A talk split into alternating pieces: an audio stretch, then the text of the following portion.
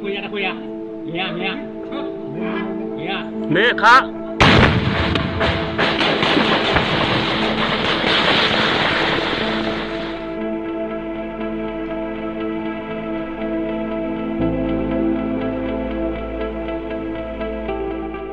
2021ခုနှစ်ဖေဖော်ဝါရီလ1ရက်စစ်အာဏာသိမ်းမှုနောက်ပိုင်းမြန်မာနိုင်ငံအနှံ့မှာမတရားမှုကိုဆန့်ကျင်တဲ့လူမှုလှုပ်ရှားမှုတွေမျိုးစုံနဲ့ပေါ်ပေါက်ခဲ့ပါတယ်။ လက်ရှိအချိန်ထိလည်းပုံတံမျိုးစုံအသွင်မျိုးစုံနဲ့ဆက်ရှိနေသေးဖြစ်ပါတယ်။တစ်ချိန်တည်းမှာပဲတိုင်းရင်းသားလက်နက်ကိုင်အဖွဲ့တွေအခြေစိုက်နေကြတဲ့တိုင်းရင်းသားဒေသတွေမှာလည်းတိုင်းရင်းသားလက်နက်ကိုင်တွေနဲ့အာဏာသိမ်းစစ်ကောင်စီအကြားတိုက်ပွဲတွေဆက်လက်ဖြစ်ပွားနေပြီးတိုင်းရင်းသားလက်နက်ကိုင်အဖွဲ့တချို့ကြားမှာလည်းအချင်းချင်းတိုက်ပွဲတွေဖြစ်နေပါတယ်။တစ်ဆက်တည်းမှာပဲ ဒေသတချို့မှာပြည်သူ့ကာကွယ်ရေးတပ်ဖွဲ့တွေနဲ့စစ်ကောင်စီတို့အကြားအပြန်အလှန်ပစ်ခတ်တိုက်ခိုက်မှုတွေလည်းရှိလာပါတယ်။တခါမြို့သားညီညွတ်ရေးအစိုးရ NUG က2021ခုနှစ်စက်တင်ဘာလ9ရက်မှာပဲတတိုင်းပြည်လုံးကိုအရေးပေါ်အခြေအနေကြေညာပြီးအုံကြွခုခံစစ်စတင်ကြဖို့တိုက်တွန်းခဲ့တာကြောင့်နိုင်ငံအနှံ့ပြစ်ခတ်တိုက်ခိုက်မှုတွေပိုများလာပြီးဒေသဆိုင်ရာပြည်သူ့ကာကွယ်ရေးတပ်ဖွဲ့တွေရဲ့လှုပ်ရှားမှုတွေဟာလည်းအရင်ကထက်ပိုမိုပေါ်ထွက်လာပါတယ်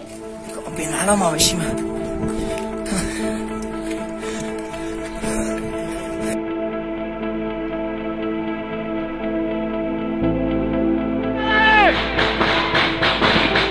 စစ်အာဏာသိမ်းမှုဖြစ်ပြီးနောက်ပိုင်းတိုင်းရင်းသားဒေသတွေအပါအဝင်ဒေသတချို့မှာတိုက်ပွဲနဲ့အပြန်အလှန်ပစ်ခတ်တိုက်ခိုက်မှု1154ကြိမ်ထက်မနည်းဖြစ်ပွားခဲ့ပါတယ်။ ကရင်ပြည်နယ်အတွင်းက KNU တပ်မဟာနယ်မြေတွေမှာတော့အာဏာသိမ်းစစ်ကောင်စီနဲ့ KNU တို့အကြားလက်နက်ကင်တိုက်ပွဲတွေအများဆုံးဖြစ်ခဲ့ပါတယ်။ကချင်ပြည်နယ်နဲ့ရှမ်းပြည်နယ်အတွင်းအာဏာသိမ်းစစ်ကောင်စီနဲ့ KIA,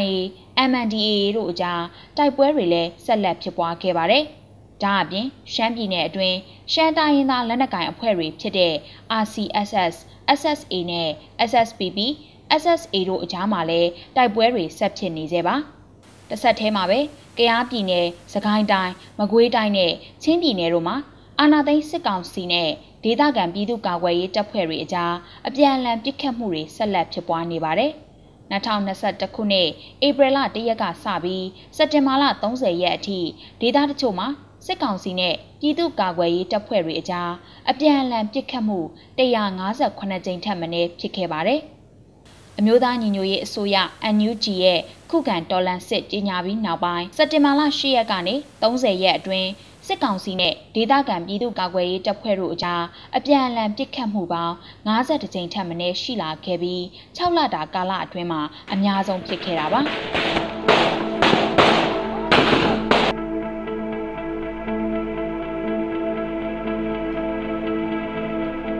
စစ်အာဏာသိမ်းပြီးနောက်ဖြစ်ပွားခဲ့တဲ့တိုက်ပွဲနဲ့ပြစ်ခတ်မှုတွေကြောင့်တည်ဆုံးခဲ့ရတဲ့အရက်သားပြည်သူအရေးအတွက်ဟာစက်တင်ဘာလ30ရက်အထိဆိုရင်1354ဦးထပ်မံရှိခဲ့ပါတယ်။အဲ့ဒီအထက်ကမှ1146ဦးဟာစစ်ကောင်စီရဲ့အကြမ်းဖက်ဖြိုခွင်းမှုနဲ့ဖမ်းဆီးခံရစဉ်ရခဲ့တဲ့ဒဏ်ရာတွေစစ်ကြောရေးမှာညှဉ်းပန်းနှိပ်စက်ခံရပြီးတည်ဆုံးခဲ့ရသူတွေဖြစ်ပါတယ်။ တိုက်ပွဲတွေနဲ့အပြန်အလှန်ပစ်ခတ်မှုတွေကြောင့်သေဆုံးခဲ့တဲ့အရက်သားပြည်သူအရေးအတွက်က208ဦးထပ်မံရှိခဲ့တာပါ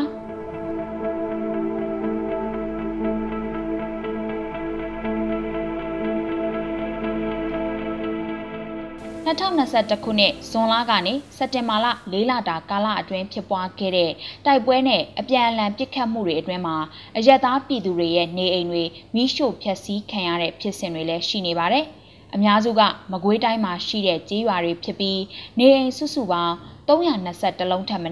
မီးရှို့ဖျက်ဆီးခံခဲ့ရပါတယ်။မီးရှို့မှုတွေကိုစစ်ကောင်စီဘက်ကလှုပ်ဆောင်ခြင်းဖြစ်တယ်လို့ဖော်ပြကြပါတယ်။ဒါပေမဲ့အင်ဂျီ240ကျော်အနက်200ခန့်မီးလောင်ကျွမ်းခဲ့တဲ့ကင်းမရွာဖြစ်စဉ်ကိုတော့သူတို့လှုပ်တာမဟုတ်ဘူးလို့စစ်ကောင်စီကညှင်းဆန်ထားပါတယ်။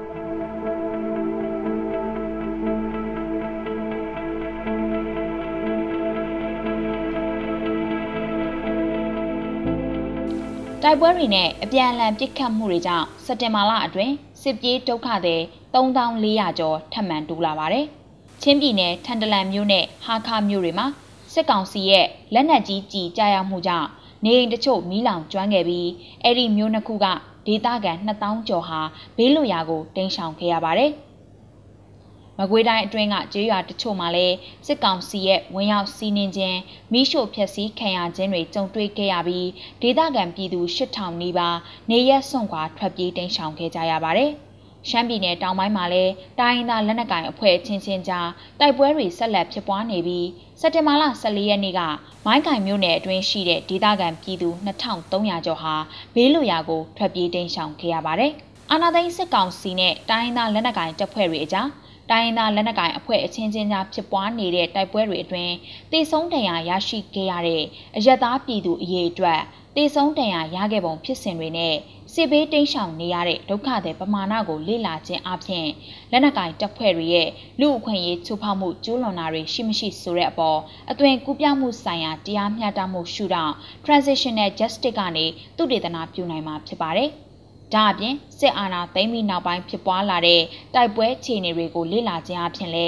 မြန်မာနိုင်ငံရဲ့ရှီရင်ဆွဲငြိမ်းချမ်းရေးဖြစ်စဉ် peace process အခင်းကျင်းပြောင်းလဲမှုရှိမရှိအပေါ်သူတေသနာပြုဖော်ထုတ်နိုင်မှာဖြစ်တာကြောင့်အလေးထားတဲ့ data အချက်အလက်တွေပဲဖြစ်ပါတယ်။မြန်မာနိုင်ငံမှာစစ်အာဏာသိမ်းပြီးနောက်ပိုင်းဖြစ်ပွားလာတဲ့တိုက်ပွဲအခြေအနေနဲ့အကျိုးဆက်တွေအပါအဝင်တိုင်းသားဒေသတွေမှာဖြစ်ပွားနေတဲ့တိုက်ပွဲတွေ အယက်သားထိခိုက်ဒေဆုံးမှုတွေနဲ့စေဘေးရှောင်ဒုက္ခတဲ့အခြေအနေတွေကိုလွတ်လပ်တဲ့သတင်းမီဒီယာတွေအထူးသဖြင့်တိုင်းရင်းသားသတင်းဌာနတွေရဲ့မြေပြင်အခြေအနေဖော်ပြချက်တွေအပြင်မြန်မာနိုင်ငံဆိုင်ရာကုလသမဂ္ဂလူသားချင်းစာနာမှုဆိုင်ရာညှိနှိုင်းရေးရုံးလိုကုလသမဂ္ဂဆိုင်ရာအဖွဲ့အစည်းတွေတခြားလွတ်လပ်တဲ့ပြည်တွင်းပြည်ပအဖွဲ့အစည်းတွေရဲ့မှတ်တမ်းအစီရင်ခံစာစတာတွေနဲ့လည်းတွဲဖက်လေ့လာနိုင်ပါတယ်။